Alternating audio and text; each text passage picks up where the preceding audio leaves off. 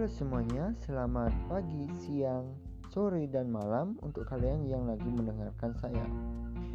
Selamat datang ke channel saya yaitu Ardan Official. Pada kesempatan kali ini saya akan membuat podcast yang berjudul Dampak Negatif eh, Perkembangan Teknologi Informasi dan Komunikasi dan Cara Antisipasinya. Yang sudah kita ketahui bersama, sampai saat ini Perkembangan ilmu pengetahuan telah menghantarkan masyarakat menuju babak baru, yaitu babak yang memanfaatkan peralatan-peralatan yang merupakan hasil dari teknologi. Penggunaan tenaga manusia yang semakin hari semakin kecil volumenya sering kali menyebabkan orang kehilangan pekerjaannya karena tugas telah tergantikan oleh peralatan atau mesin. Sebagai sarana penyampaian informasi dan komunikasi, komputer bisa dipakai sebagai sarana berinternetan. Lewat internet, orang bisa mencari bermacam-macam informasi dan berkom berkomunikasi.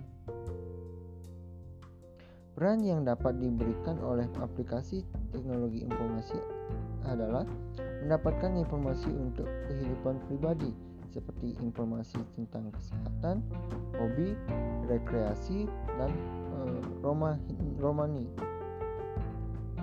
Rekreasi dan rohani.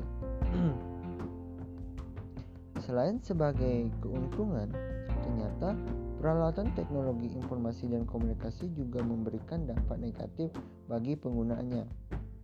Dampak negatif tersebut muncul sebagai akibat dari penggunaan yang sa uh, salah atau tidak bertanggung jawab dari yang menggunakannya.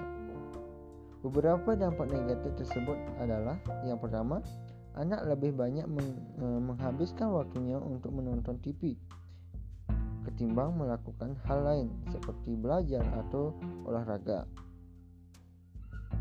Yang kedua, anak kehilangan kemampuan berbaur dengan masyarakat dan cenderung nyaman dengan kehidupan online. Yang ketiga, adanya eh, pelanggaran hak cipta. Yang keempat, eh, kejahatan di internet. Yang kelima, penyebaran virus komputer. Dan yang keenam, pornografi, perjudian, penipuan, tayangan kekerasan. Namun, dari sana, adapun cara mengatasi dampak-dampak negatif tersebut. Yang pertama, gunakan teknologi untuk menjalin hubungan dengan orang yang sudah uh, sudah dikenal. Yang kedua, cara berkomunikasi positif yang sering melakukan pertemuan di dunia nyata. Yang ketiga, perlunya penegakan hukum yang berlaku dengan dibentuknya polisi internet.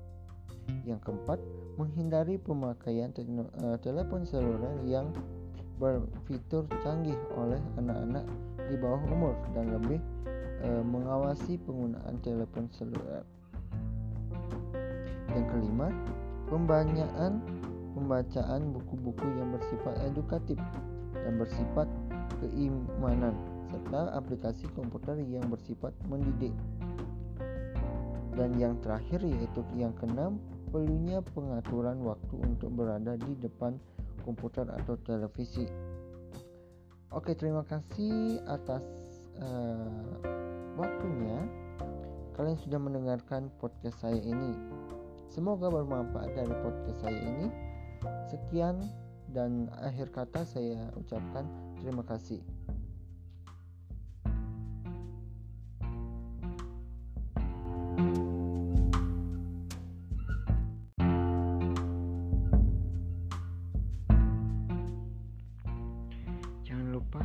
Support channel ini agar channel ini dapat berkembang dan menjadi yang lebih baik.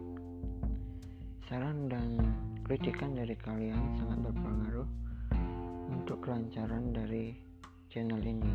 Sekian, terima kasih.